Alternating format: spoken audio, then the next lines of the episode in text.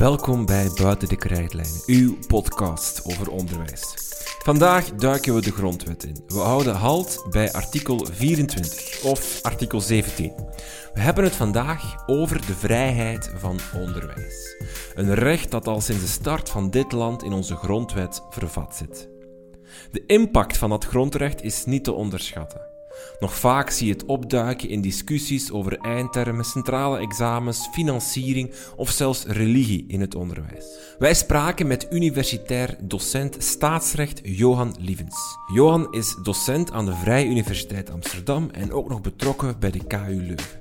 Hij schreef een doctoraat over de vrijheid van onderwijs en is dus de ideale gids doorheen de krochten van deze grondwet. Johan Lievens over de vrijheid van onderwijs.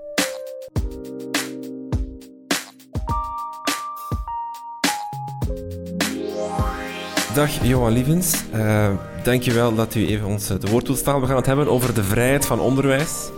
Uh, ik weet niet hoe goed dat, uh, dat we dat moeten omschrijven, maar dat is zoiets dat je, als, ik, als, ik in mijn opinie, dat, dat, dan ben je een artikel aan het lezen en dan over onderwijs, gegarandeerd ongeveer in alinea 3, een van de partijen in discussie brengt dan de vrijheid van onderwijs naar boven.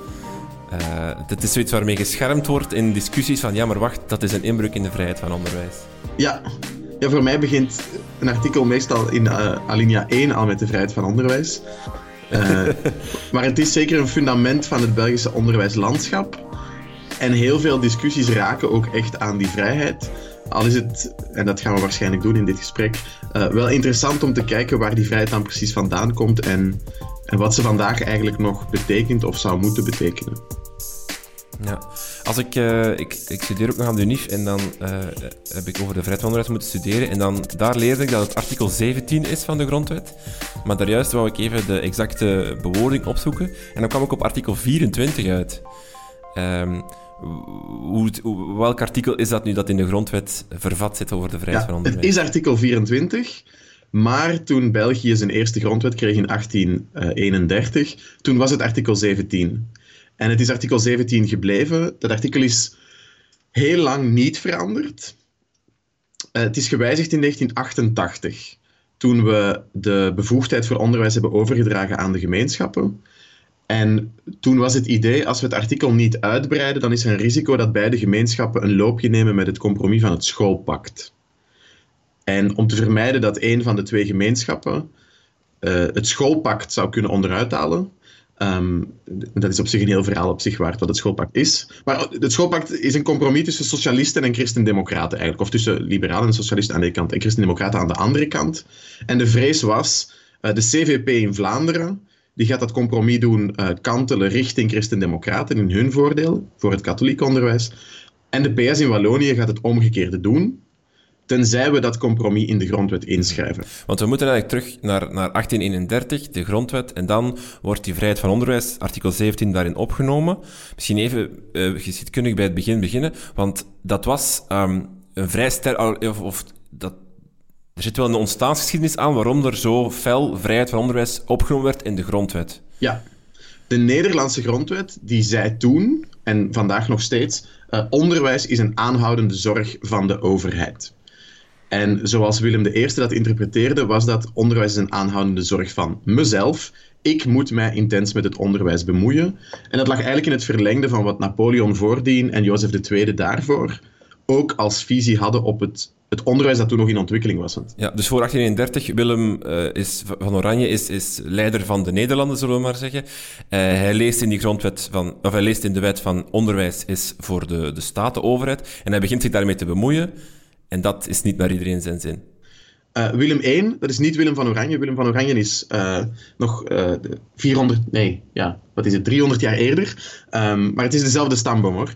Um, Willem I wil het onderwijs rationeel organiseren als een soort verlicht despoot. En dat botst op de traditionele aanbieder van onderwijs, de katholieke kerk. Er is nog geen echt georganiseerd staatsonderwijs, maar de katholieke kerk heeft al een, een stevige vinger in de pap. Uh, met heel wat jezuïetencolleges ook. En ja, daar zit frictie in. De katholieke kerk wil zijn eigen ding doen, inclusief het zielenheil van de kinderen bewaken. En Willem wil vooral onderwijs dat mensen rationeel opleidt in de nieuwe ideeën van de verlichting. ook als dat niet in lijn is met uh, het dictaat van de paus. Dus daar, daar, voel je automatisch, daar zit een ideeënconflict in. Um, en dat schuurt dus. Uh, Willem wil dat priesters die les gaan geven, daarvoor worden opgeleid in een staatsschool. De katholieke kerk wil de leerkrachten zelf opleiden. Um, de rol van godsdienst in het onderwijs.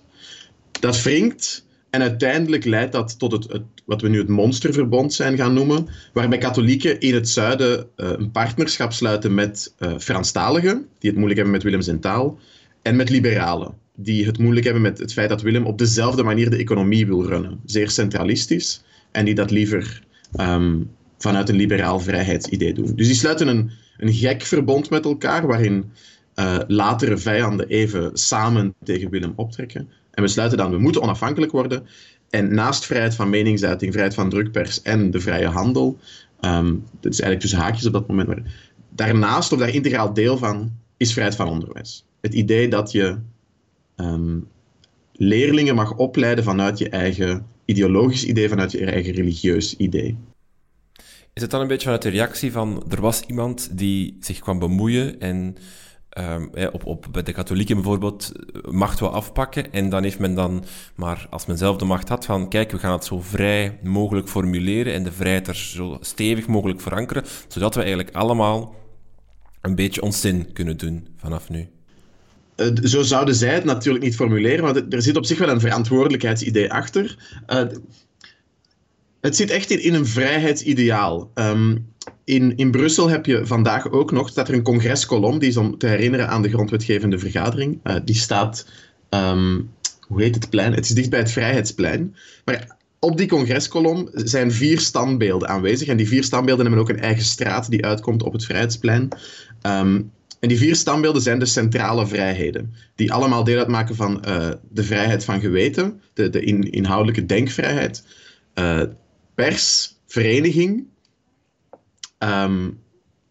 veren, uh, ja, persvereniging en onderwijs zijn drie van die vrijheden die dat samen ondersteunen. En dus dat maakt echt deel uit van dat idee, we moeten een liberale natie zijn. België had op dat moment ook de meest liberale grondwet van de wereld, werd gezegd. Uh, dus de vrijheid van onderwijs maakt daar integraal deel van uit. Van dat idee, uh, burgers moeten vrij zijn in hun hoofd en in hun hart om uh, hun eigen leven te leiden zoals zij het willen. De interpretatie van dat artikel, lees ik, is vrij snel wel um, verruimd van een soort van vrijheid van onderwijs naar een, naar een recht op onderwijs. Naar, van een actieve vrijheid naar een passieve vrijheid. Van het, um, de overheid moet ook onderwijs organiseren of mogelijk maken dat mensen... Allez, mensen hebben recht op onderwijs en dat moet de overheid ervoor zorgen dat dat gebeurt als idee misschien, als grondrecht echt gedurende lange tijd niet. Dus het, het wordt pas een idee dat uh, de recht is op onderwijs, juridisch zelfs pas uh, na de Tweede Wereldoorlog in België. Um, maar de, de leerplicht bijvoorbeeld komt er pas rond de Eerste Wereldoorlog. En wat daar moeilijk bij ligt, is dat leerplicht impliceert dat er geen kinderarbeiders meer beschikbaar zijn. Um, dus dat, dat idee dat elk kind onderwijs moet krijgen, komt eigenlijk pas 100 jaar later. Het idee is wel vrij snel aanwezig um, dat de overheid ook zijn duit in het zakje moet doen. En dat het dus niet alleen maar de kerk is of andere initiatiefnemers die onderwijs moeten organiseren. Het debat gaat dan over wat betekent dat je duit in het zakje doen. Moet de overheid um, het basisaanbod uitbouwen en mag de kerk een beetje uh, aanvullen? Moet er in elke gemeente een school zijn van de gemeente? Of omgekeerd, mag de kerk zijn zin doen uh, en moet de overheid dan de kleine gaatjes vullen um, als er ergens nog een gemeente is zonder katholiek schooltje? En dat is het begin eigenlijk van de schoolstrijd. Dat vrij snel na de onafhankelijkheid losbarst, waarbij liberalen zeggen: elke gemeente moet zijn eigen seculiere school hebben. En katholieken zeggen: nee, nee, wij zullen het wel op ons nemen. Ook nog fijn als we daar een subsidie zouden voor krijgen, want we nemen tenslotte een belangrijke taak op ons. Uh, en dan mogen de liberalen, als we ergens een plekje vergeten, een gemeenteschooltje oprichten ter aanvulling. Ja. Maar dat gaat eigenlijk ook, want die, die schoolstijd, je hebt er de, uh, eentje in, uh, als ik me niet vergis, ergens. Um, de tweede helft van de 19e eeuw. Ja, en je hebt er dan nog eentje ergens in 1950, ja. 1958. Maar die gaan eigenlijk in de kern over geld over wie financiert, wie gaat er hier betalen. De, de, het katholiek onderwijs heeft dan meer scholen, wil dan meer geld en zo verder enzovoort. Um, hoe zat het met die financiering bij de, bij de, de start van die, die uh, grondwet en bij, bij, bij de start van de vrijheid van onderwijs? Er is niets voor voorzien in de grondwet. En het idee dat die financiering er moet zijn, ontstaat ook pas in de debatten na de onafhankelijkheid. Al zullen er anderen wel al van gedroomd hebben. En je kan het een beetje vergelijken met de pers. Uh, professor Koen Lemmens doet dat ook graag. Ehm, de pers is ook vrij, maar de pers draagt het merendeel, niet alle, uh, kosten wel zelf. En dat is, dat is een gek verschil met het onderwijs. Het onderwijs is vrij, maar wordt vandaag gesubsidieerd. Maar dus dat is op vraag van de katholieken. Die stellen, ja, wij organiseren hier een... we maken het de gemeenten eigenlijk makkelijk, want doordat wij er zijn, moeten zij niets meer doen. Uh, dan is het ook maar fair dat wij een deel van het gemeentebudget krijgen om onze scholen te organiseren. En dan gaat het debat inderdaad ook over hoeveel geld dat, dat moet zijn.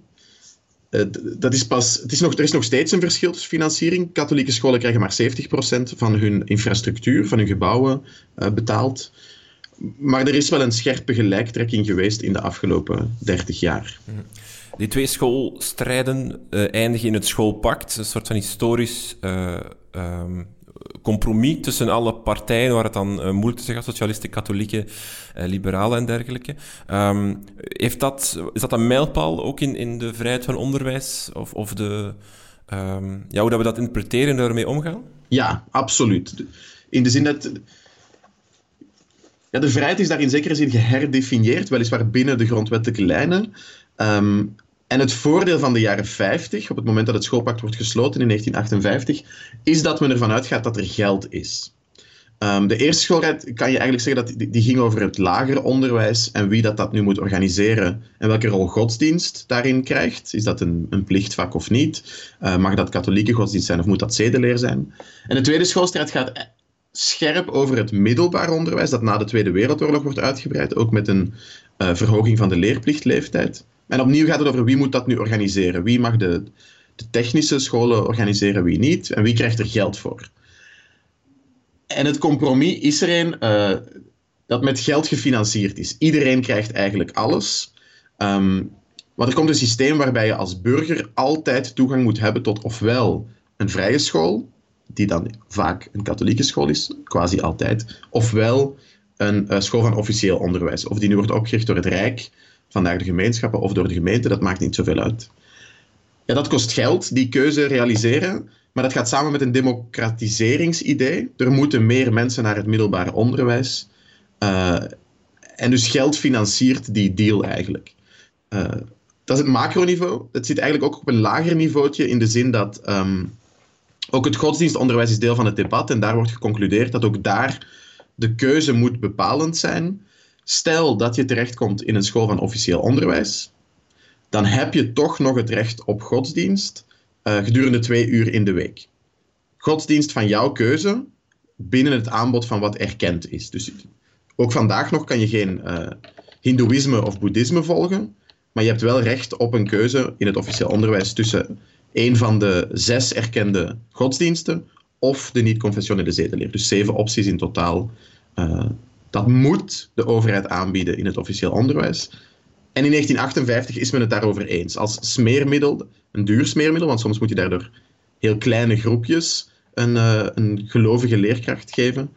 Uh, als smeermiddel om het compromis te smeden eigenlijk tussen liberalen en socialisten enerzijds en katholieken anderzijds. -hmm. Dus uh, eigenlijk is het, is het daar een beetje dat die vrijheid van onderwijs ook een recht op onderwijs wordt uh, niet in, in, woorden misschien, maar wel van we gaan echt gaan voor een democratisering, zoals u zei. Ja. Elk, elk kind moet nu de mogelijkheid hebben om lager en middelbaar onderwijs ja. te kunnen volgen of te moeten volgen als er. Ja. En juridisch wordt dat daar ook opgepikt in diezelfde tijdsfeer, weliswaar in de andere context, van de mensenrechtenverdragen die na de Tweede Wereldoorlog tot stand komen. En dat idee van het schoolpact zal in 1988 dan in artikel 17 worden opgenomen in de grondwet. Uh, en dan wordt ook het recht op onderwijs in de grondwet ingevoegd. Op, op dat moment dat artikel 17 grondig wordt herzien. Mm -hmm. En uh, 88 en 89 zitten we bijna ook bij de, de, uh, dat naar de, de Vlaamse bevoegdheid wordt. Um, verandert er dan nog iets fundamenteel aan die, die, vrij, of die wet of die, dat, dat, uh, dat stukje in de grondwet? De, de grondwet zelf verandert in tekst die voordien in het schoolpact en in de schoolpactwet stond. Mm -hmm. En juridisch is dat belangrijk, omdat je daarmee een schaaltje hoger schaalt. Juristen denken in hiërarchie. Uh, een wet of een decreet moet de grondwet wel eerbiedigen, maar een wet of decreet mag afwijken van een eerdere wet. Ehm, de, dus hiërarchisch krijgt het schoolpact een hogere waarde. Sorry dat ik onderbreek hoor, maar dus eigenlijk na het school, uh, schoolpact in, in uh, 58 ergens daar, is het eigenlijk een wet op dat moment wat men daar beslist? Ja. En in 88 zegt men van we gaan die wet nu uh, opheven naar de grondwet. Ja. Dat je daar eigenlijk veel moeilijker ook iets aan kan veranderen, neem ik aan. Want ik... Ja, al, dus het schoolpact is in 58 gesloten. De schoolpactwet is dan gestemd in 59 als de juridische uitwerking ervan. Dat schoolpact had wel een groot politiek gezag. En de, de politieke afspraak was echt wij, de drie grote partijen. En bij de hernieuwing is ook de Volksunie daar nog bijgekomen, um, tien jaar later. Maar wij aanvaarden dat dit de basis is waarmee we onderwijsbeleid maken. En we weten dat het uh, verschrikkelijk riskant en politiek deloyaal is als we dit pact onderuit halen. Het is binnen deze contouren dat we gaan werken. De vrees in 88 is um, dat daar toch misbruik van gemaakt zal worden, omdat de socialisten uit de Franse gemeenschap de christendemocraten niet meer kunnen tot de controle houden en de Christen-Democraten omgekeerd socialisten niet.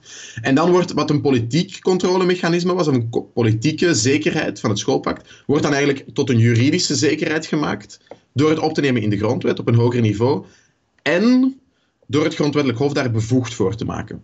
Dat was voordien niet zo. Het grondwettelijk hof was nog in oprichting als arbitragehof, had weinig bevoegdheden en de eerste bevoegdheid naast je moet nu gaan kijken of de gemeenschappen de bevoegdheids uh, verdeling binnen het federale België eerbiedigen. Daarnaast moet je als arbitragehof ook toezicht gaan houden op of artikel 17 wel wordt nageleefd door de gemeenschappen. En dus krijg je een juridische controle op wat voordien een politieke zekerheid is. En wordt dan ook artikel 17, artikel 24? Dat is nog één staatshervorming later. De staatshervormingen zijn knippen en plakken. Dat hebben we zo in 1970, 1980, 1988 gedaan. Bij de vierde staatshervorming van 1993 is er echt heel grondig um, van alles gewijzigd. Is België ook voor het eerst federaal genoemd, in artikel, wat nu artikel 1 is. Omdat het dan echt een knip- en plakboel is met artikel 107 kwater, als bijvoorbeeld het artikel waar de gewesten in geregeld zijn, heeft men uh, de gecoördineerde grondwet gemaakt. In 1994 is die in werking getreden. Gewoon een hernummering, waardoor we geen artikel 107 kwater meer hebben, maar een artikel uh, 39. En toen is artikel 17 in die hernummering dan ook artikel 24 geworden. Oké, artikel 24. Uh, wat staat er nu eigenlijk in? Het begint met de, de historische woorden: het onderwijs is vrij. Um, het telt vijf, ik weet niet hoe dat, vijf luiken of vijf onder Vijf paragrafen. Vijf paragrafen. Um, het eerste is: onderwijs is vrij. Uh, en het, het, het, de gemeenschap waarborgt de keuzevrijheid van de ouders. Um, ik moet wel zeggen, als ik dat lees, het onderwijs is vrij dat is heel... Ja, de, de, de breedte van het woord vrijheid is gigantisch. Um, ja. Is dat, niet een, is dat niet een groot risico een groot... Of hoe moet ik dat interpreteren, dat men dat zo vaag of zo breed in die, in, in dat, in die eerste paragraaf schrijft? Misschien zie je hier het contrast tussen wetgeven in 1830 en wetgeven in uh, eh, 1988. Het onderwijs is vrij, daarmee wordt bedoeld wat er in 1830 mee bedoeld werd. Of 1831. Uh, dus om dat te begrijpen moeten we kijken naar hoe, hoe heeft men daar toen in de grondwetgevende vergadering over vergaderd, hoe heeft men daar in 1988 over vergaderd en wat is tussenin gebeurd. En, als we dat bekijken, dan weten we dat die eenvoudige woorden, die vier woorden, betekenen er is actieve vrijheid van onderwijs. Um, je moet onderwijs kunnen oprichten, inrichten en uh, jouw richting, jouw levensbeschouwelijke of ideologische overtuiging daarin tot uiting laten brengen het is allemaal samengebald in die vier woorden. Al um, staat er ook nog wel verder in, elke preventieve maatregel is verboden. Eh, dat is een uitwerking eigenlijk van die vrijheid.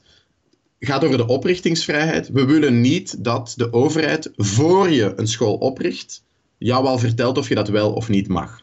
In beginsel heb je de vrijheid om onderwijs op te richten.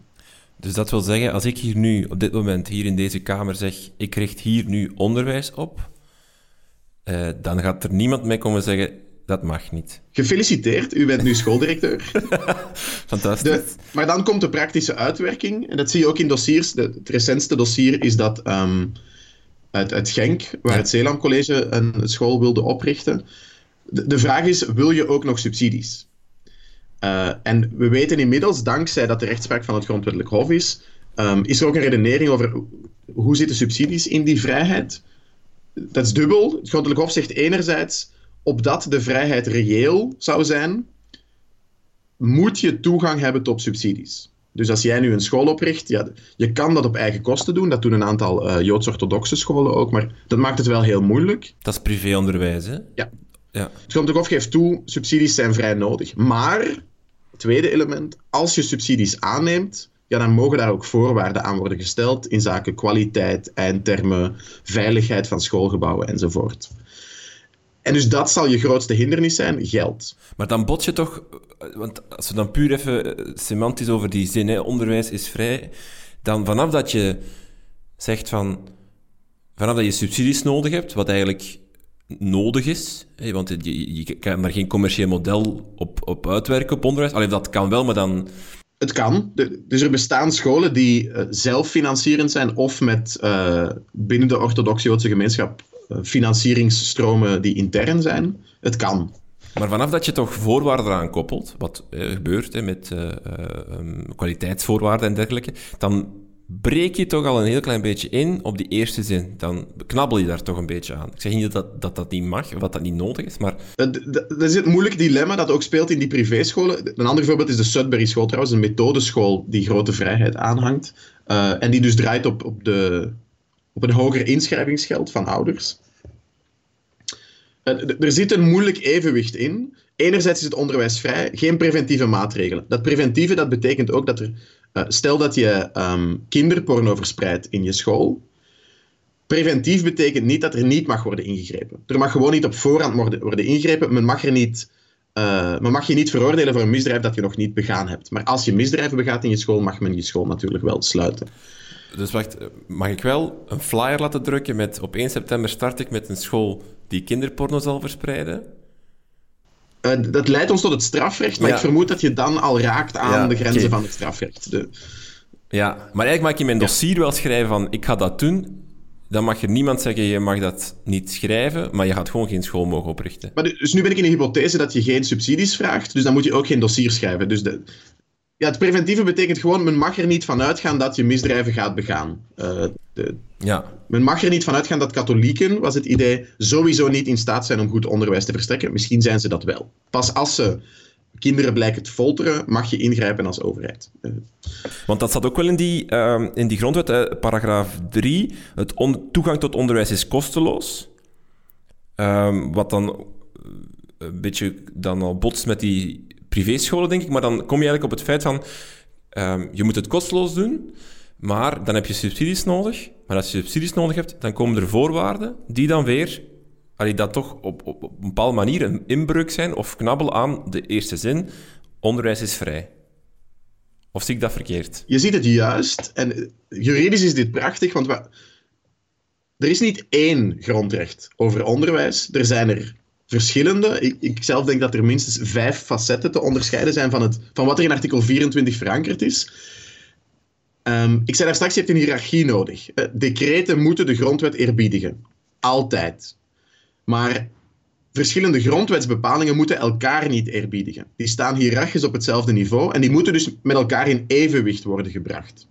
Enerzijds is er vrijheid, scholen moeten kunnen doen wat ze willen, of particulieren moeten kunnen doen wat ze willen. Maar anderzijds is er ook het recht op onderwijs. En het recht op onderwijs komt niet toe aan die scholen, het komt toe aan leerlingen. Uh, dan is er de passieve vrijheid, de keuzevrijheid, die komt toe aan ouders, samen met leerlingen. En zo krijg je meteen een hele puzzel van soms tegenstrijdige grondrechten. Uh, ik wil als diepgelovige ouder dat mijn kind in de sfeer van mijn eigen geloof wordt opgeleid. Maar mijn kind zelf heeft een recht op onderwijs dat inhoudt dat mijn kind, hoewel ook religieus gevormd mag worden, ook voldoende uh, seculiere wetenschappelijke inzichten moet krijgen om zelf te kunnen beslissen of het wel of niet tot mijn geloofsgemeenschap wil behoren.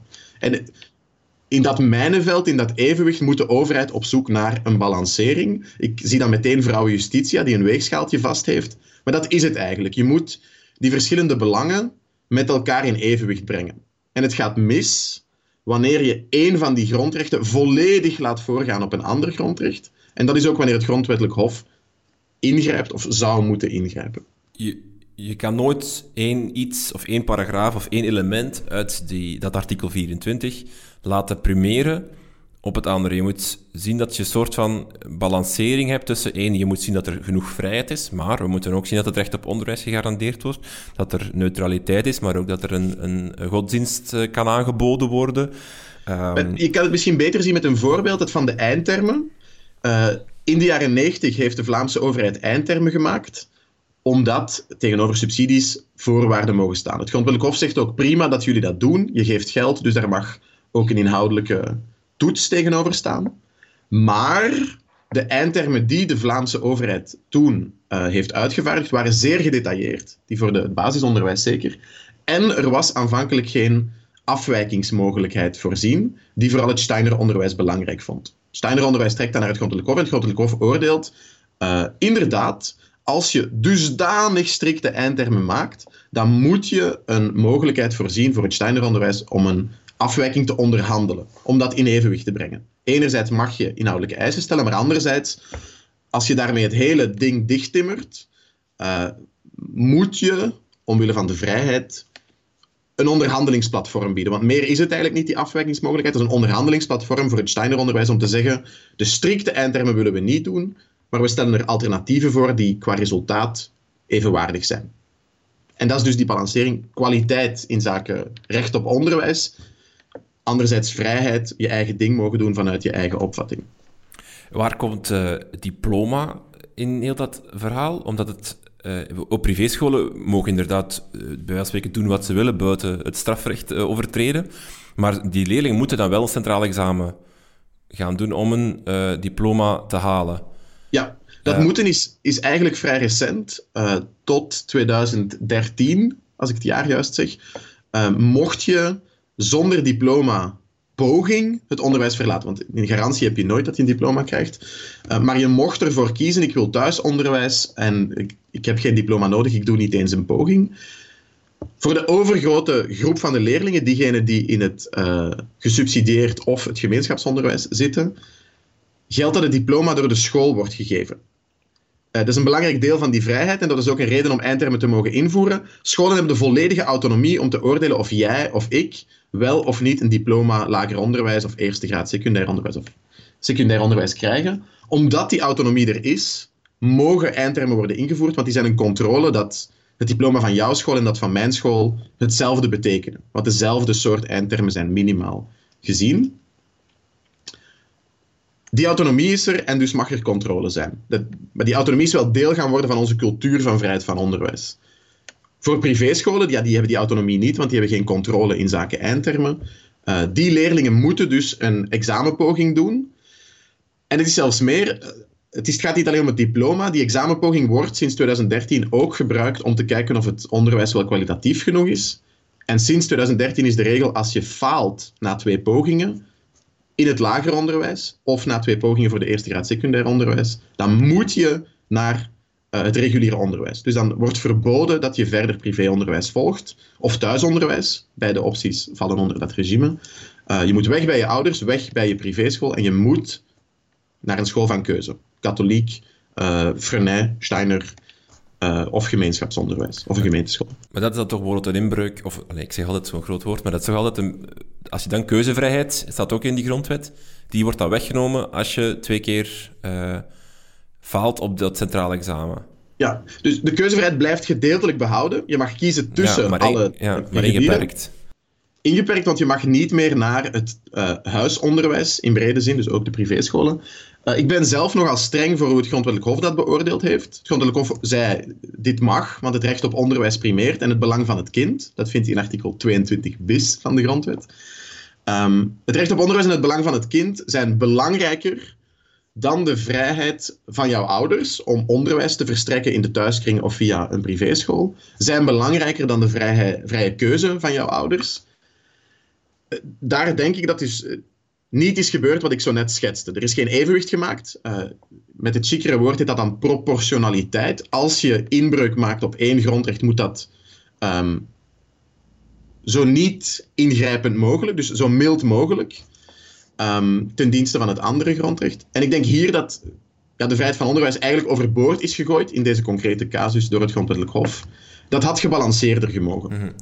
Komt het, komt het ook niet heel vaak neer op um, wat is want dus vrijheid van onderwijs, die vrijheid, daar kan je uren over, over, over discussiëren wat dat juist is, maar over dat tweede deel, onderwijs, is dat niet een beetje de vraag die het, eh, moeilijk maakt? In de zin van, is iemand die thuis, een, een, papa die aan zijn kind lesgeeft en, en bij zijn spreken geen enkel pedagogisch diploma heeft, geen enkel didactisch boek gelezen heeft en gewoon op een bord het woord schrijft en dat laat voorlezen, is dat onderwijs? Of is het toch meer dan dat? Is het een, is het, moet het een, leerkracht zijn die, die pedagogisch en didactisch weet wat hij doet? Want um, die vrijheid uh, creëert dat, of creëert de mogelijkheid om te doen wat onderwijs is. Maar wat is onderwijs? Staat daar iets, is daar beperkingen aangesteld? Of? De, de beperking die er is, is dat het niet aan de overheid toekomt om in beton te gieten wat onderwijs is. En dus ik, het Sudbury-onderwijs is op zich een, echt een prachtig voorbeeld. Ik ben daar ook op bezoek geweest. Ze hebben een, eh, een school in een rijtjeshuis in Gent. Het is geen rijtjeshuis, in een, in een mooie villa in Gent. Uh, de leerlingen komen s ochtends toe uh, en doen wat ze willen. Uh, en soms is dat gamen. En na een tijdje zullen ze bij het gamen de nood voelen om Engels te begrijpen, om beter te kunnen gamen. En zullen ze dus Engels gaan leren. Voor de jongere kinderen is dat strips lezen. En na een tijdje voelen ze de nood om te begrijpen waar de tekstballonnetjes over gaan. En gaan ze dus op zoek naar een manier om taal te leren. Uh, dat werkt eigenlijk vrij goed. Niet voor elke leerling in de hele wereld, vermoed ik. Maar daar, er gebeurt daar wel iets. Is dat onderwijs? Misschien de verantwoordelijkheid die de overheid wel heeft, is natuurlijk het recht op onderwijs bewaken. Zeker zijn dat iedereen um, ja, een, een, minimum aan kennis en aan redeneervermogen vergaart. En ik zeg dus ook niet dat, het, dat de overheid moet wegblijven van het reguleren van die kinderen die uh, huisonderwijs of Sudbury-onderwijs krijgen. Maar dat kan je op verschillende manieren doen. De, de inspectie gaat vandaag langs. Uh, ook dat is een manier. Uh, mensen die huisonderwijs aanbieden, moeten bij het begin van elk schooljaar weergeven welke materialen ze willen gaan gebruiken en op welke manier ze les willen geven. Een soort leerplan light noem ik dat. En ten derde is er dan dat examen. Mijn kritiek op het huisonderwijssysteem is dat er tegelijkertijd die drie mechanismen zijn ingevoerd. En een bezoek van de inspectie, en een leerplan light, en een examen. Terwijl de overheid ook omdat het om een grondrecht gaat, voorzichtiger had kunnen werken en één van die mechanismen kunnen testen. En dan evalueren, doet dit nu genoeg om kwaliteit te bewaken of hebben we meer nodig? Mm -hmm. Zit er maar het recht is een, is een evenwichtsdans de hele tijd. Ja. Want zit er dan eigenlijk een soort van spanningsveld tussen enerzijds het recht op kwalitatief onderwijs en anderzijds de vrijheid van onderwijs? Ik heb het gevoel dat die twee soms wel botsen. Want enerzijds wil je als overheid, en, ik, en dat is zeer begrijpelijk, je wilt garanderen dat elk kind in jouw eh, samenleving goed onderwijs krijgt. Anderzijds heb je ook een, een grondwet die zegt, we willen vrijheid van onderwijs. Dat wil zeggen, iedereen mag onderwijs starten, organiseren, geven, in zijn of haar vorm dan ook. Want we willen niet vast definiëren wat onderwijs is. Ja, dus er is een spanningsveld. En tegelijkertijd zijn ze ook uh, elkaar versterkend in sommige dossiers, denk ik. Dus het spanningsveld schets je zelf, en dat zit ook in die voorbeelden van de eindtermen. Uh, we willen dat er inhoud is, maar tegelijkertijd willen we dat uh, Steiner-onderwijs zijn eigen methode kan blijven gebruiken. Het zit ook in dat huisonderwijs. We gunnen je dat je thuis onderwijs mag geven, maar als je het doet, moeten we ook kunnen toezicht houden op wat er precies gebeurt, zonder te intrusief te zijn. Daar zit het spanningsveld. De versterking zit hem in, als ik je hoor zeggen wat goed onderwijs is. Er zijn bepaalde politici die zullen vinden dat goed onderwijs is dat je alle symbolen van de Vlaamse natie moet kennen, uh, dat je um, de Gulden Sporenslag moet kunnen naspelen en dat het minder belangrijk is dat je het Belgisch volkslied kan zingen, terwijl anderen het omgekeerde zullen vinden. De, de vrijheid van onderwijs is daar een plek die net toelaat om die verschillende visies in verschillende scholen op verschillende manieren te belichten. En dan is het denk ik nuttig dat de overheid slechts het raamwerk bewaakt en slechts nagaat of er um, minimale inhouden worden gerealiseerd, of er uh, echt geen volstrekt schadelijke dingen worden gedaan met kinderen, en dat er verder inderdaad ruimte is voor verschillende opvattingen. Mm Hoe zit het met, met levensbeschouwing in die vrijheid van onderwijs? Het staat in de, eh, de gemeenschap recht neutraal onderwijs in. Uh, maar de scholen ingerichte openbaar besturen bieden tot het einde van de leerplicht de keuze tussen onderricht in één der erkende godsdiensten en de niet-confessionele zedeleer aan. Dus enerzijds is er een soort van neutraliteits... wordt er neutraliteit gevraagd. Anderzijds moet, ik, ik weet niet wat die twee, dat dat tegenstellingen zijn, hè, maar anderzijds moet je wel godsdienstonderwijs organiseren. Ja, het zijn geen tegenstellingen. In die zin dat, uh, zoals je het gedefinieerd ziet in paragraaf 1 van artikel 24, want de godsdienst komt ook nog even terug in paragraaf 3. Um, het, de gemeenschap moet neutraal onderwijs inrichten. Dat is echt als deel van de puzzel van het schoolpact. Omdat we katholieke scholen en ondertussen ook uh, Joodse scholen, protestantse scholen, misschien op een dag ook uh, islamitische scholen, omdat we die toelaten om vanuit een specifieke religie onderwijs te verstrekken. En we natuurlijk wel willen dat niemand gedwongen wordt in een bepaalde religie, om dat uh, op te lossen, moet er daarnaast neutraal onderwijs van het gemeenschapsonderwijs zijn, ooit het rijksonderwijs, um, zodat leerlingen daar terecht kunnen. Die, als ik een niet-katholieke leerling ben, en in mijn buurt is alleen een katholieke school, dan moet daarnaast er ook een gemeenschapsschool zijn en die moet levensbeschouwelijk neutraal zijn. Zodat ik weet dat ik daar uh, niet geïndoctrineerd word. Uh, maar, uh, ja, misschien wil ik niet naar die katholieke school omdat ik moslim ben, omdat ik joods ben. ons systeem geeft katholieken heel veel kans om zich religieus te ontwikkelen. Diezelfde kans willen we voor andere erkende religies. En dus krijg ik in dat neutrale onderwijs wel een keuze die me niet wordt opgedrongen.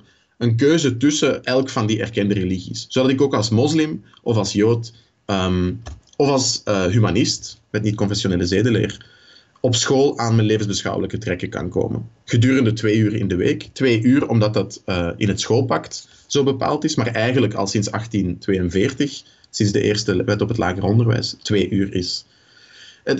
Dus die keuze is eigenlijk een verlengde van de neutraliteit. Omdat het gemeenschapsonderwijs neutraal is, moet je er een ruim palet hebben. En dat ruim palet geldt trouwens ook voor de gemeentescholen en de uh, provinciale scholen, want dat geldt voor het hele officiële onderwijs. In de zin, um, je hebt wacht, ik ga, er zijn twee vragen die ik ervoor wil stellen. Uh, ene, er is een, een, een, een, al een tijdje een discussie gaande zowel ook juridisch, over het hoofddoekverbod dat het gemeenschapsonderwijs uh, heeft. Daar worden telkens um, rechtszaken tegen aangespannen, die dan meestal gewonnen worden door de mensen die uh, wel het recht willen om hun hoofddoek te dragen. Is dat een inbreuk op die neutraliteit? De neutraliteit heeft eigenlijk uh, verschillende lagen. Het godsdienstonderwijs is er één van, maar hoofddoeken of religieuze kentekens is een ander aspect. Um, dat ook nog eens meer lagig is. Het, het, gemeenschapsonderwijs zou er niet mee wegkomen als het kruisbeelden wil ophangen uh, in elk klaslokaal, omdat dat één religie propageren zou zijn. Um, en dat staat haaks op de Belgische grondwet. Religieuze kentekens is een ander verhaal. Het gaat niet alleen om hoofddoeken, want uh, een van de eerste succesvolle zaken is aangespannen door een Sikh-jongen, um, die zijn uh, een tulband of zijn tapka wou dragen. Um, dus het raakt meer mensen dan alleen uh, moslimmeisjes. Het is inderdaad dat artikel dat dan aan bod komt. En tot nu toe heeft de Raad van State heel duidelijk geoordeeld. Um, je zou een verbod mogen instellen als er echt een probleem is met peer pressure en pesten enzovoort. Maar dan moet je dat doen opnieuw proportioneel, met zo weinig mogelijk impact op uh, de godsdienstvrijheid dan. Dus liefst uh, de specifieke leerlingen het verbieden of op een specifieke school het verbieden. Wat het gemeenschapsonderwijs gedaan heeft, is het omgekeerde. Is uit vrees dat men school na school na school problemen zou krijgen. En dan een soort watervaleffect dat doorstroomt naar andere scholen. Meteen overal een verbod instellen. Um, vanuit op begrijpelijke overtuigingen, want in Antwerpen ging het in sommige scholen echt moeilijk. Maar het effect is disproportioneel. En daar is de Raad van State vrij duidelijk over. De Raad van State is daarin gevolgd door de rechtbank van Tongeren en door de rechtbank van Leuven inmiddels. De meest recente uitspraak is die van het Hof van Beroep van Antwerpen in de zaak over de rechtbank van Tongeren. Um, en de, het Hof van Beroep van Antwerpen zegt nu in hoger beroep um, niets te vinden uh, in die rechtspraak van de Raad van State en keert dat eigenlijk om. Uh, en, en zegt dus dat de school in Maasmechelen, waar het over gaat, wel een verbod mag instellen, zelfs als er in die school geen problemen zijn met uh, peer pressure of pestgedrag. En dat is iets dat de school zelf ook toegaf trouwens.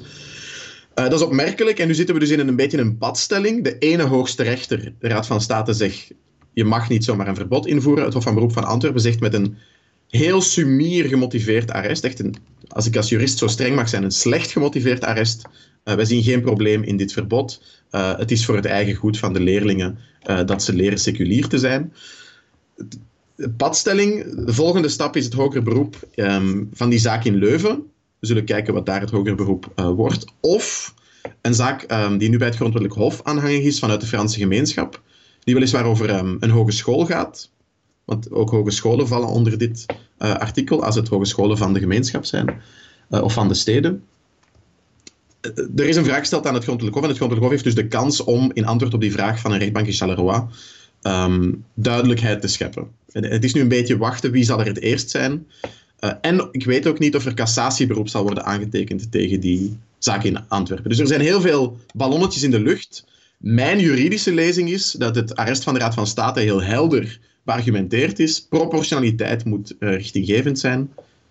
Aan een grondrecht raak je bij voorkeur zo, zo niet ingrijpend mogelijk. En dat betekent een verbod mag, maar alleen als er uh, ja, echt problemen zijn met pestgedrag, uitsluiting, druk zetten enzovoort. Er zijn ook wel veel stemmen. Uiteindelijk leven we in, in de meest uh, niet-godsdienstachtige tijden, zal ik maar zeggen. Nog nooit zijn zoveel mensen ongelovig geweest. Om godsdienst... Uh, de, de vraag wordt gesteld, heeft godsdienst nog een plaats in ons onderwijs? Stel dat men tot een besluit zou komen van we gaan dat godsdienstonderwijs niet meer aanbieden of niet meer vast aanbieden of niet meer in de basisvorming steken. Moet men dan de grondwet wijzigen? Dat hangt er echt vanaf wat je concrete plan is. De grondwet verplicht dat officieel onderwijs een aanbod van godsdienst heeft. Dat is die, wat in paragraaf 1 staat. En de grondwet verplicht ook dat de overheid het godsdienstonderwijs moet financieren. Dat is wat in paragraaf 3 staat. En dat gaat over meer dan de officiële scholen, dat gaat ook over het katholiek onderwijs bijvoorbeeld. Uh, dus het katholiek onderwijs heeft ook recht om um, subsidie te vragen voor zijn godsdienstleerkrachten via dat paragraaf 3 uh, element. Vandaag hebben we een opt-out systeem. In beginsel moet je kiezen. Als je echt geen zin hebt om een godsdienst te kiezen, dan kan je een vrijstelling vragen. En het resultaat van dat opt-out systeem is dat de overgrote meerderheid um, blijkbaar nog een keuze voor godsdienst maakt. Is dat uit traditie? Is dat omdat de vrijstelling uh, bewust onzichtbaar wordt gehouden door scholen? Want dan moet je opvang voorzien voor die leerlingen. Moet je kijken of ze inderdaad hun werkplaatjes die hun ouders moeten voorbereiden, trouwens, um, of ze die echt maken om met hun eigen levensbeschouwing bezig te zijn. Moeilijk, moeilijk. Of is er echt nog vraag naar godsdienst? Niemand die het weet, maar vandaag wordt er nog steeds heel veel godsdienst gevolgd. Maar dus, dus je kan als, als je als leerling start in het officieel onderwijs, kan je zeggen, ik wil eigenlijk geen godsdienstonderwijs krijgen, maar ook geen zedeleer dan bijvoorbeeld. Ja. En dat is zo omdat zedeleer, hoewel het idee bestond, dat is een neutraal restvak. En dan los je dus de, het neutraliteitsprobleem op, want iedereen kan altijd ergens terecht. In de praktijk wordt dat georganiseerd vanuit de georganiseerde vrijzinnigheid, vanuit het humanisme. Um, waardoor daar toch een inhoudelijke ideologische uh, visie ingeslopen is. Um, het gaat terug op rechtspraak van de Raad van State, die, waarbij ouders hebben geklaagd: ja, ik wil een echte vrijstelling, ik wil niet uh, bij die vrijzinnigen horen, want dat sluit niet aan bij mijn opvatting, omdat ik anders atheïstisch ben of omdat ik Hindoe ben. Um, en daardoor is er een vrijstellingsregeling gekomen. Je mag, je kan niet gedwongen worden om één van de zeven vakken te volgen. En dan heb je twee uur vrij in de week, uh, of dan moet je op school blijven, dan moet er inderdaad, zoals je zei, opvang door de school voorzien worden. Ja, maar je, en je hebt geen vrij. Je wordt geacht tijdens die twee uur aan je eigen levensbeschouwelijk profiel te werken op basis van instructies van je ouders. Dat is het systeem zoals we het in Vlaanderen nu al uh, meer dan twintig jaar kennen.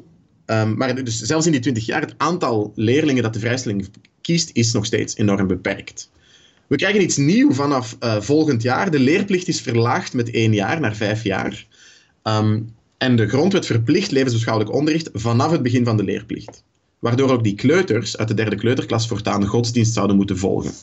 Dat is een erg dure grap, want zodra er één Joodse leerling of één islamitische leerling in zo'n klasje zit, moet je weer een nieuwe leerkracht optrommelen om aan één leerling les te geven.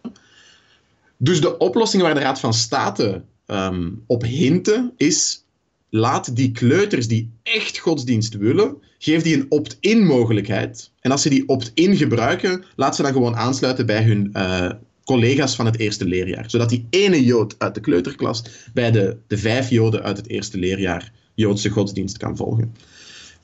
Dat kan binnen het kader van de grondwet, hint de Raad van State, en ik denk ook zelf dat dat kan.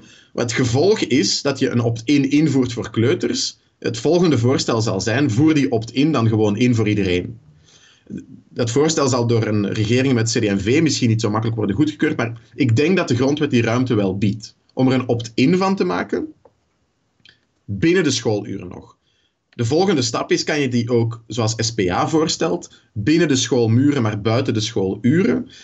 In de letterlijke tekst van de grondwet is niets aanwezig dat zich daartegen verzet. En dan kan je bijvoorbeeld de twee uur godsdienst verplaatsen naar woensdagmiddag. In het lesrooster wordt dat die twee uur kan je dan gebruiken voor iets anders. Je kan dan twee uur wiskunde gaan geven. Dat is eigenlijk... Ja, of, of burgerschap is meestal het voorstel.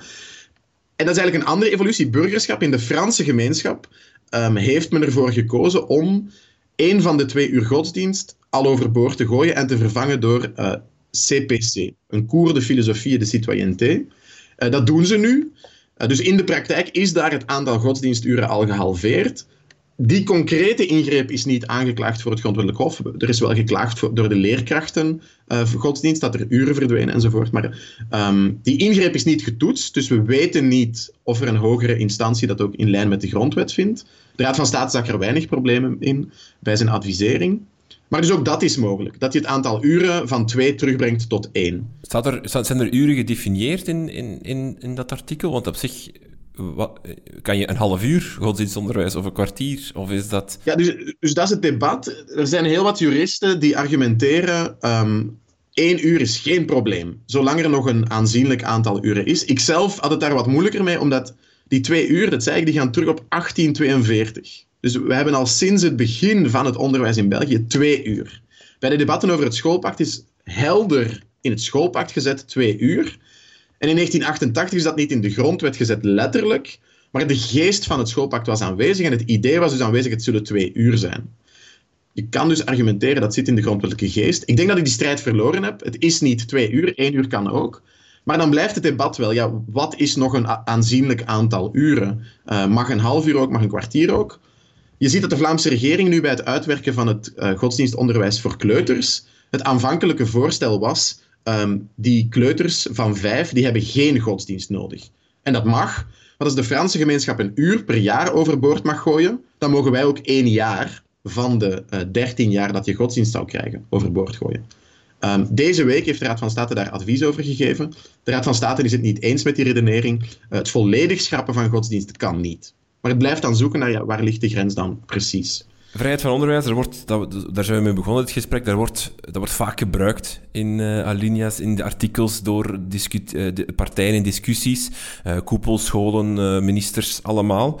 Um, u schreef in 2019 een opiniestuk waarin u zegt dat de vrijheid van onderwijs wel onder druk staat. Dat daar wel aan, aan gemorzeld wordt. Dat daar... Wordt daar, al was het maar stukje voor stukje, toch een beetje in, in ingedeukt? Wordt, dat, wordt, die, wordt die ingeperkt? Dat, dat denk ik wel. Wat je zag in de tweede helft van de 20e eeuw is dat.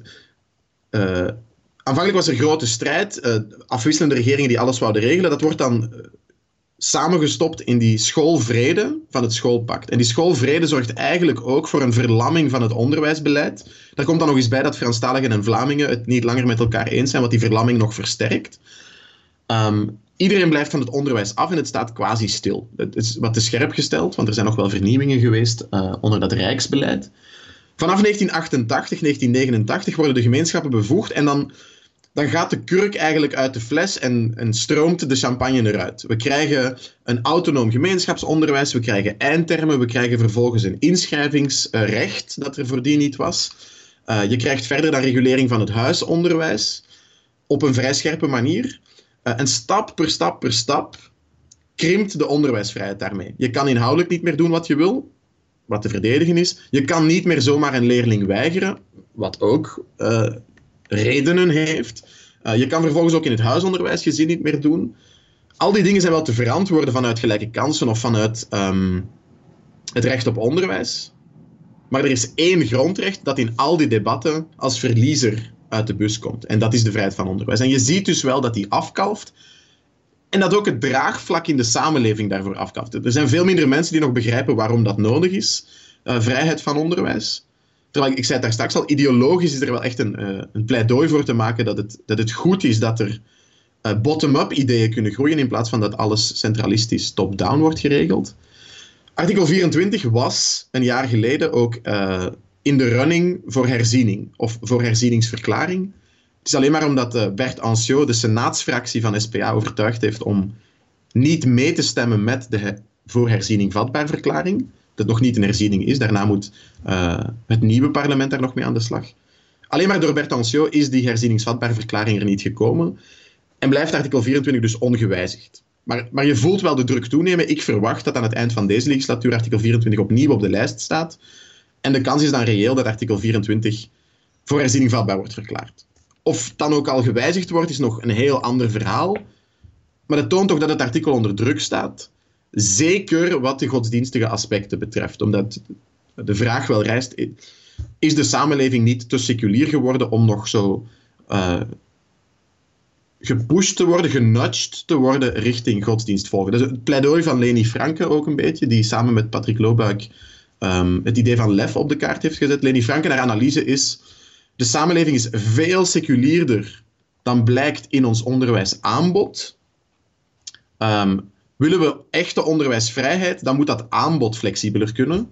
Um, want nu, nu krijgen we geen zicht op of ouders wel hun zin krijgen. Ouders worden geduwd richting katholieke scholen, want dat schijnen de beste te zijn. Ouders worden geduwd richting godsdienstonderwijs in het gemeenschapsonderwijs, uh, want dat is de automatische keuze. Draai dat om, is dan het voorstel van diegenen die die analyse maken. Maakt u zich daar zorgen over, over het feit dat, dat zo'n grondwet dan open, allee, herzien wordt? Uh, ik ik wou zelf dat de grondwet voor herziening vatbaar werd verklaard wat het godsdienstonderwijs betreft, omdat samen met de leerplicht was een kleine ingreep zeker nodig. De ingreep dat vijfjarigen geen godsdienst moeten volgen. Dat, dat was gewoon een, een logische parallel met het verlagen van de leerplicht. Um, dus die ingreep wou ik en daarvoor moest je het voor herziening vatbaar verklaren. Um, en er zijn andere kleine ingrepen waar ik het op zich mee eens ben. Ik denk dat het goed is als het parlement of als de grondwetgever behoedzaam omgaat met een grondrecht. Uh, ik ben zeer voor het debat, dus ik denk dat het positief is dat er over gesproken wordt, inhoudelijk over gesproken wordt. Het zou negatief zijn als we gewoon Ctrl-Alt-Delete duwen uh, en de hele boel heropstarten. Want we hebben op zich een kwalitatief sterk onderwijslandschap. Het zou jammer zijn als we het kind met het badwater weggooien. En als ik de, de uitstap mag maken naar het grondwettelijk recht, een nadeel dat hier speelt, is dat om de Belgische grondwet te wijzigen, moet je het eerst voor herziening vatbaar verklaren en dan pas beginnen we plannen te maken over wat we er precies mee willen doen. Uh, de Nederlandse grondwet heeft dat systeem anders. In Nederland moet je eerst een voorstel maken, dan moet je stemmen of je um, het artikel dat daarvoor gewijzigd moet worden wijzigbaar is. En dan heb je verkiezingen en moet een nieuw parlement het concrete voorstel goedkeuren. En, en dat zou nuttig zijn hier, denk ik, dat we niet de hele boel moeten opengooien en dan hopen dat er niets misgaat, maar dat we wat concreter over specifieke ingrepen kunnen praten, zodat het een inhoudelijk debat wordt. En daar ben ik voor, daar huiver ik niet van. Want op zich, uh, wat je zegt, het draagvlak rond die vrijheid onderwijs. Je hebt veel stemmen die zeggen van, kijk, onderwijs is een van de grootste financiële posten van onze Vlaamse regering. We hebben heel weinig kwaliteitscontrole of middelen. En dan komt de, vraag rond centrale examens die vaak wordt geopperd, uh, gestandardiseerde toetsen, um, eindtermen moeten dat. Allee, dat zijn allemaal dingen die spelen. Um, zit, er veel gevaar in, in het feit dat we bijvoorbeeld daar um, door de geest van de tijd uh, want uiteindelijk zijn we hier aan het spreken over een document dat in 1831 en eigenlijk nog, nog maar zeer weinig gewijzigd is op zich, in, in de pure geest van uh, het artikel. Is, is het gevaar daar dat we in, in de we zitten nu met slechte PISA-resultaten, met uh, een soort van idee dat het heel slecht gaat met ons onderwijs, of minder goed gaat. Is het, is het gevaar dat we in die geest gaan redeneren en, en felle wijzigingen gaan doen in dat grondwetartikel om bijvoorbeeld meer controle te geven of meer kwaliteitscontrole te geven aan een overheid of aan een inspectie? Ik zie, ik zie wel dat het debat daarover gerechtvaardigd is, maar de vraag die meteen bij me opkomt is of de oplossing niet nog een groter probleem creëert, of de gesuggereerde oplossing. Um, centrale examens, daar is het pedagogisch veld helder over verdeeld. En wat wel interessant is, is dat het compromis dat dan groeit in Vlaanderen erin is dat vrijheid en kwaliteit tracht te verzoenen. We krijgen nu um, proeven die door de onderwijskoepels zelf ontwikkeld worden en die vervolgens gevalideerd worden door de overheid, zodat ze inhoudelijk iets weerspiegelen wat de overheid wil zien. Ja, dat is een mooi compromis tussen bottom-up werken, vanuit de ideologie en de overtuigingen van de scholen zelf, en top-down toch toezicht kunnen houden op die kwaliteit. Uh, 70% van de ouders kiest nog steeds voor een katholieke school. De, de vraag die erachter zit is dan, ja, doen ze dat omdat er geen alternatief is of doen ze dat uit overtuiging? En in dat opzicht ben ik zelf voor een, misschien zelfs voor meer vrijheid. Een ideetje dat ik opperde in mijn doctoraat is um, inspiratie te putten uit het concept van de charter schools die in de VS bestaan. Um, misschien moet de overheid net zorgen dat er makkelijker nieuwe scholen kunnen ontstaan door charters te sluiten met, bijvoorbeeld, je zei het daar straks, als ik nu een school opricht, mag ik dat? Ja, in de praktijk ga je struikelen over alle administratieve moeilijkheden en het gebrek aan geld.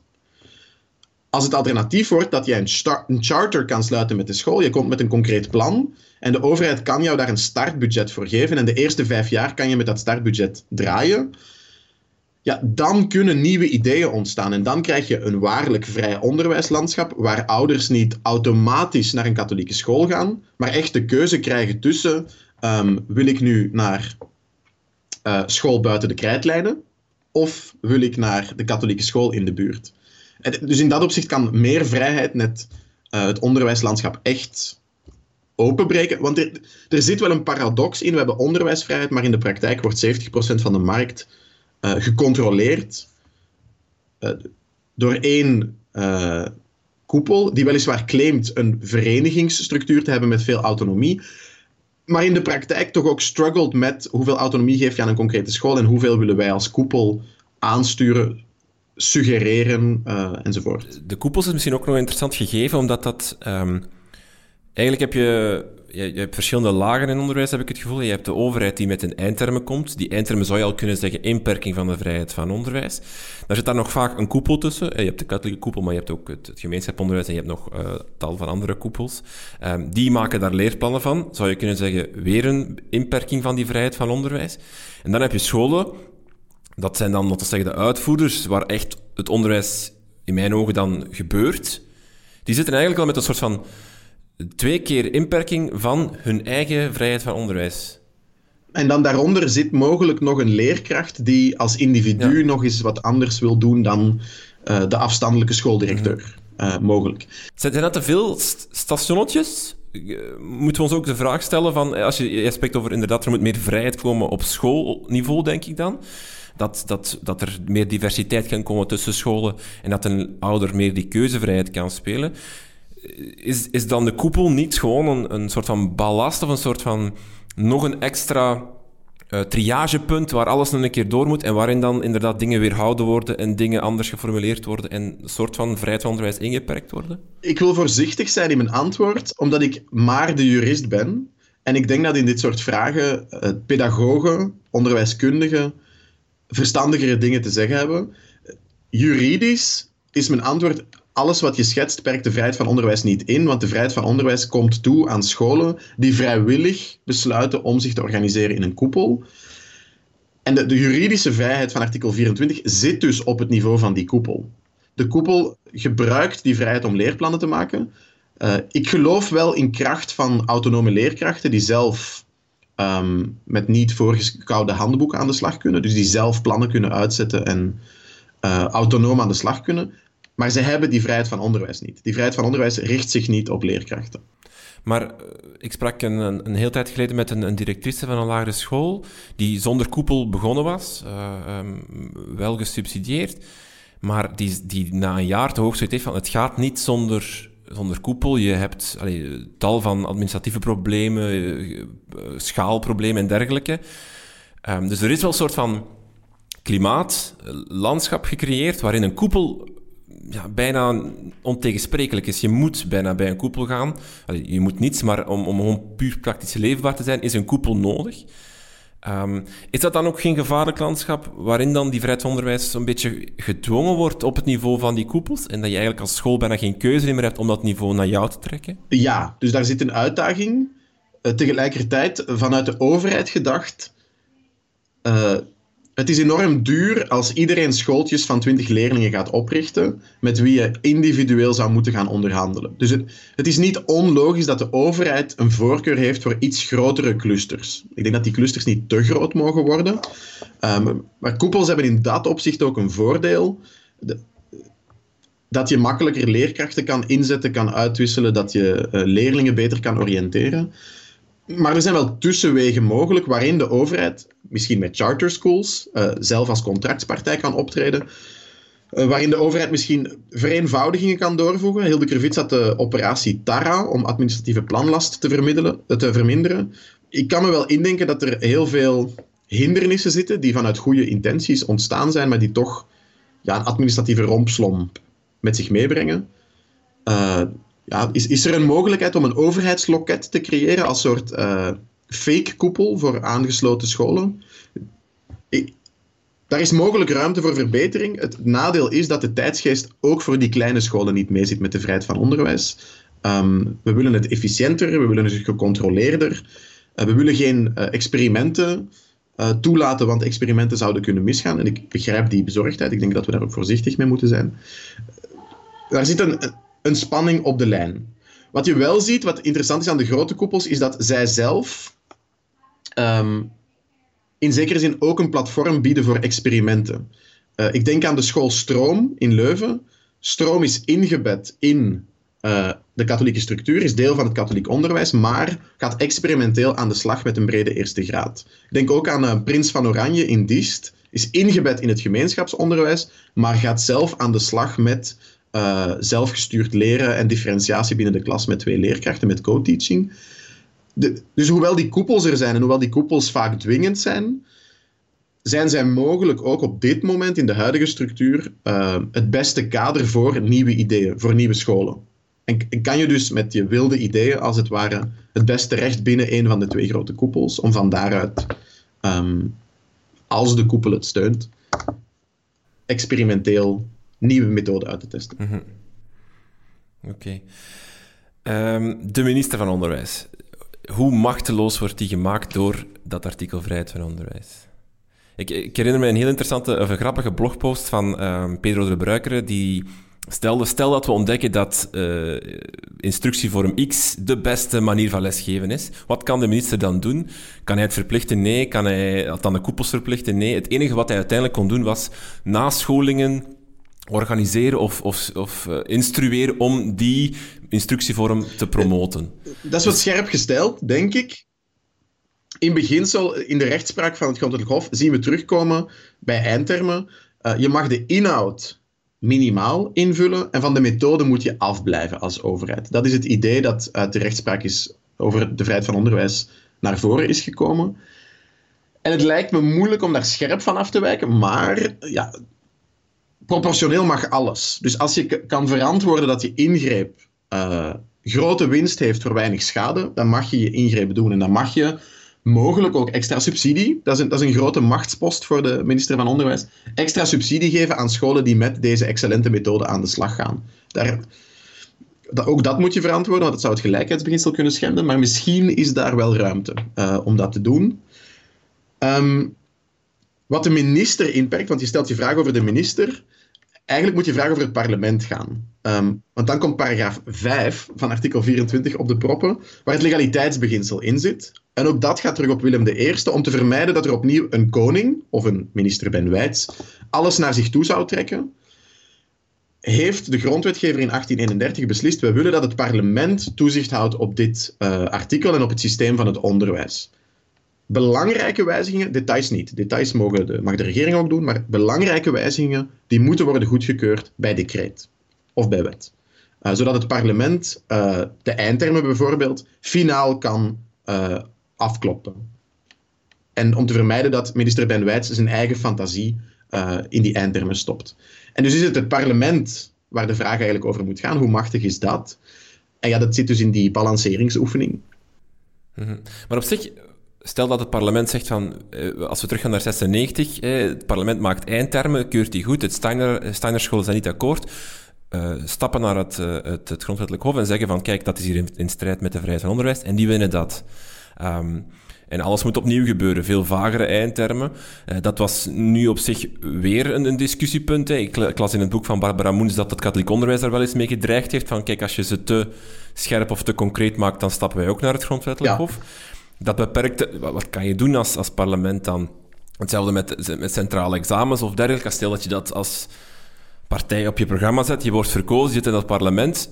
Ja, de kans dat je het kan doorvoeren eh, dat is je kan het misschien nog wel beslissen, maar de kans dat het dan blijft staan, grondwettelijk gezien, is vrij klein. Want je hebt die vrijheid van onderwijs die zo pertinent in dat. Uh, ik zal mijn vraag eigenlijk misschien gewoon tot de conclusie brengen. Is de vrijheid van onderwijs, maakt die het heel moeilijk om een soort van gecentraliseerd gezag, waaruit dan bijvoorbeeld een visie of een, een, een sterke sturing die uh, je onderwijs in een bepaalde richting kan duwen, uh, maakt die dat onmogelijk of moeilijk? Die maakt het zeker moeilijk en dat is precies de bedoeling. En ik, en ik zie daar ook wel een, een kracht in. En dus dat is waarvan ik denk dat we er voorzichtig mee moeten omgaan. Ehm, je, praat erover alsof het negatief is dat iemand zou kunnen dreigen met naar het grondwettelijk hof te gaan. Eh, volgens mij is dat alleen maar negatief als we er naar streven om te leven in een Nazi-Duitsland of een Stalin-Sovjet-Unie. Uh, het, is, het is heel erg positief dat, dat die ruimte er is om te zeggen: oké, wat jij als overheid plant, uh, daar kan ik nog een juridische toets over aanvragen. Uh, als Hendrik Bogaert voorstelt dat er geen religieuze kentekens meer gedragen mogen worden op straat, of geen opvallende religieuze kentekens, dan is het maar goed dat er een juridische toets mogelijk is die nagaat of dat het gelijkheidsbeginsel niet schendt, obviously wel, en of dat de vrijheid van godsdienst niet schendt, ook obviously wel. Dus de, dat is goed dat er een juridische toets is en dat dat is de definitie van rechtsstaat, dat ook de overheid het recht moet eerbiedigen. En het recht is hier de grondwet die je als decreetgever altijd moet eerbiedigen. Die grondwet die is niet in steen gegoten, die kunnen we wijzigen in twee fases en mits we op een dag een tweederde meerderheid vinden. En dus er is een bescherming en die bescherming is, we moeten twee derde van het parlement, van het federale parlement, aan boord krijgen als we scherpere ingrepen willen doen dat is niet onmogelijk. Als de onderwijsvrijheid echt achterhaald is, dan moet die tweederde meerderheid te vinden zijn. De reden dat ik het vraag is omdat je, je hebt wel een soort van gevoel, het gaat niet zo goed in het onderwijs, er moeten dingen veranderen. Je voelt dat er, de, de, de, er zijn dan ook, inderdaad ook verschillende meningen, dus ik zeg niet dat er, dat er, dat er een sturing zou zijn, moest die nodig zijn. Maar um, ik, het voorbeeld voor we zitten in deze tijden met uh, de vraag of examens of niet. En dan heb je een Ben die komt zeggen van, met, met banners en al op Facebook van wij gaan voor examens. Een week later heb je dan een koepel die zegt wij gaan niet voor examens of wij adviseren van niet. Maar uiteindelijk ligt de vrijheid bij de scholen. En heb je een soort van palaver gehad over en weer op bepaalde niveaus waar, waarin eigenlijk de macht toch niet ligt. Uh, en, en hetzelfde zou je kunnen zeggen over gestandardiseerde toetsen of, of, of, centrale examens, waarin dat je misschien voelt van, kijk, misschien is dat wel de stap die ons onderwijs misschien, ik heb er eigenlijk geen idee van, moet zetten. Maar je voelt dat, er, dat daar een soort van besluitloosheid overheerst, of een soort van machteloosheid overheerst, die, die dat niet kan beslissen. Is dat besluiteloosheid of is dat uh, lopend pedagogisch debat? Want de, de, Franse gemeenschap, die qua PISA-resultaten nu toch niet per se het voorbeeld is om te volgen, uh, heeft wel centrale toetsen. Eh, de Franse gemeenschap opereert binnen hetzelfde grondwettelijk kader. Dus afhankelijk van hoe je die toetsen inkleurt. Hè, neem je de autonomie van de klassenraad er ook mee af of verplicht je de klassenraad gewoon om er rekening mee te houden? Dat is ook een beetje wat er in Nederland gebeurt met de CITO-toets. Um, welk gewicht hecht je aan zo'n toets? Uh, dat, dat bepaalt veel. Zoals de Franse gemeenschap het doet, is er wel een stevige inbreuk of een stevige bemoeienis met de autonomie van de klasraden. Maar de klasraden behouden bijvoorbeeld voor het lager onderwijs de mogelijkheid om zelfs voor wie niet slaagt voor de toets, alsnog te besluiten: jij mag naar um, het eerste middelbaar. Je krijgt het getuigschrift basisonderwijs. En dus zelfs daar is uiteindelijk een evenwicht gevonden tussen autonomie en kwaliteitscontrole middels examens. Het enige wat de vrijheid van onderwijs als hindernis opwerpt, is dat je uh, wat beter moet verantwoorden of je niet autonomie aan het schenden bent. En ik weet niet of dat erg is, dat je, dat je een pauze moet maken voor je autonomie van onderwijsverstrekkers inperkt. Um, je zei daar straks van, de, de, de, vrijheid van onderwijs ligt eigenlijk omdat die scholen zich vrijwillig aansluiten bij de koepels, uh, bij de koepel op zich. Uh, zijn er toch dingen waar een school te weinig gebruik maakt of te weinig op tafel klopt om, om die vrijheid, om, omdat hij dat recht heeft, omdat hij die vrijheid van onderwijs heeft? Op het niveau van de school zou je kunnen zeggen, de vrijheid is er altijd om uit je koepel te, te stappen. Elke school kan zeggen, bedankt katholiek onderwijs, het was fijn met je samen te werken, we hebben het ermee gehad. In de praktijk, want is natuurlijk theorie en praktijk, in de praktijk zal het moeilijk zijn, want bij wie moet je dan aankloppen voor uh, je juridische ondersteuning, uh, voor je vervangleerkrachten, voor je bijscholingen, uh, voor je vertaling van eindtermen in leerplannen, voor je onderhandelingen met het kabinet.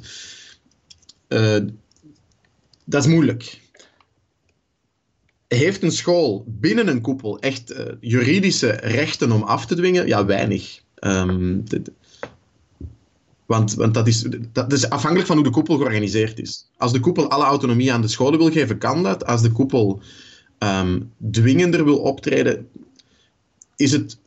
Het is een beetje touwtrekken en, en is een machtsspel waarin het moeilijk is voor scholen om echt tegen de koepel in te gaan. Dat is wel een onderhandeling. Dat zag je bijvoorbeeld in de, de eerste graadsscholen, het idee van een brede eerste graad. Het katholiek onderwijs als koepel was daar best voor gewonnen. Een aantal colleges, vooral traditionele colleges, was daar duidelijk niet voor gewonnen. En je ziet dan wel uh, dat getouwtrek ontstaan, um, waarbij het niet vanzelfsprekend is dat de koepel die colleges ook echt allemaal gedwongen zou hebben, doe maar mee. En uiteindelijk is het idee vanuit de overheid gekomen, er moet vrijheid zijn voor die scholen Um, we gaan niet dwingend voor eerste graadscholen. En het, het, zal de katholieke koepel ook niet lukken om alle scholen te dwingen dat doen. Dus die, die, macht is niet een absolute gezagsfunctie of absolute juridische macht. Dat is een beetje sturen, onderhandelen, uh, praten in een bepaalde richting met de overheid. En dan zien waar het uitkomt. Hm. Maar zou het op zich heeft het wettelijke grond of juridische grond als, dat je als, maar dan, als je als lid van een, van een schoolkoepel, je bent eigenlijk heel tevreden met die koepel, want die doet heel veel voor jou, maar die beslist iets dat voor jou echt wel raakt in jouw kern van hoe jij onderwijs geeft of doet, dat je zegt van, sorry koepel, ik ga dit niet doen, want ik heb hier vrijheid van onderwijs, eh, die, of die heerst hier in dit land, dus ik ga het toch op mijn manier doen. En die koepel zegt nee, het is dat of eruit. Zou je dan juridisch het gevecht of het, of winnen? of, of, of, kunnen aangaan? Of is het dan gewoon heel simpel? Je, hebt je aangesloten bij een organisatie, gaat er dan uit? Allee. Ik, ik denk dat het op dat laatste zal neerkomen. Uh, hm. Mocht het zover komen, ja. Oké. Eh, mijn, laatste vraag. Uh, welke evolutie verwacht u? Eh, we hebben het al een beetje gehad over de toekomst, maar wat verwacht u wat er met die vrijheid van onderwijs gaat gebeuren de komende jaren? U heeft al eens een opiniestuk geschreven over een inperking, of er wordt aan geknabbeld. Ziet u dat verder gaan? Ziet u dat, dat het opengetrokken wordt, zodat er meer vrijheid komt, zoals u daar net uh, opperde of hoopte? Wat zijn uw voorspellingen? De voorspelling met quasi zekerheid uh, bij de volgende verkiezingen in 2024, als we het zo lang uitzingen, um, staat de vrijheid van onderwijs opnieuw in een voorstel uh, tot herzieningsverklaring van de grondwet. Uh, de druk zal een beetje van de ketel zijn, omdat het leerplichtleeftijdverlaging dan al geïmplementeerd is. Um, maar ik verwacht dat het voorstel opnieuw opduikt met de vaste voorstellen voor godsdienst binnen de muren buiten de uren. Dus, dus die beweging zie ik zeker. Um, de onderwijsvrijheid zelf afschaffen, dat, dat zal nog niet voor meteen zijn, maar die, die ideetjes zullen wel af en toe opduiken bij bepaalde liberalen of uh, socialisten, of misschien bij een NVA. Die verandering zie ik dus niet op, in de grondwet, de onderwijsvrijheid zelf, maar ik zie wel blijvend een, een stroom aan ideeën die de vrijheid uh, bevraagt. In, je noemde zelf al um, centrale examens. Dat idee zal op tafel blijven komen tot er een vorm uiteindelijk wordt ingevoerd die verder gaat dan de huidige gevalideerde toetsen. Dat lijkt me uh, een weinig wilde voorspelling dat het die richting uitgaat. Um, het debat moet nu gevoerd worden over de eindtermen van, het, uh, van de tweede graad en de derde graad secundair en van het basisonderwijs nog. Die moeten nog vernieuwd worden. En ook daarin zal het debat over de vrijheid gaan, met een mogelijke verdere inperking. Uh, het debat tenslotte over uh, islamitische scholen gaat ook over die inperking. Het voorstel is er om um, uh, eigenlijk stevige hindernissen op te werpen voor islamitische scholen. Met name door een vaste screening door de minister in plaats van door de inspectie in te voeren, of met eindoordeel door de minister. Um, ook met heel veel symboliek daar rond gebeurt dat. Hè, met, je moet de mensenrechten naleven. Van het Selam College oordeelt men blijkbaar op basis van een verder niet veergegeven advies van de Raad van State dat de mensenrechten in gevaar zijn. Maar niemand kan dat beoordelen, want dat zit in de schaduw. Um, maar dus ook in dat debat zie je, specifiek om islamitische colleges te vermijden, uh, ja, een verscherpen van de controle op scholen, van het kader waarin scholen moeten bewijzen te voldoen aan dit of dat. Tot op het niveau van preventieve maatregelen. Want preventief gaan we er al van uit dat jij, omdat je een gebouw huurt van een vereniging waarin iemand actief is die banden heeft met uh, een familielid dat naar uh, Syrië is getrokken, want zover lijkt het te gaan. daarom gaan we je preventief elke erkenning ontzeggen, elke kans om een erkenning te krijgen ontzeggen. Daarin zie ik toch een beperking uh, van de vrijheid. Dus ik denk dat dat, dat afknabbelen van wat de vrijheid is, uh, met trial and error, want we wordt daarin af en toe teruggefloten door rechters, Raad van State of Grondwettelijk Hof, zal verder gaan. Dat is mijn voorspelling. Oké. Okay. Johan Lievens, heel veel dank uh, om ons de weg te wijzen in de vrijheid van onderwijs. Veel dank voor het fijne gesprek.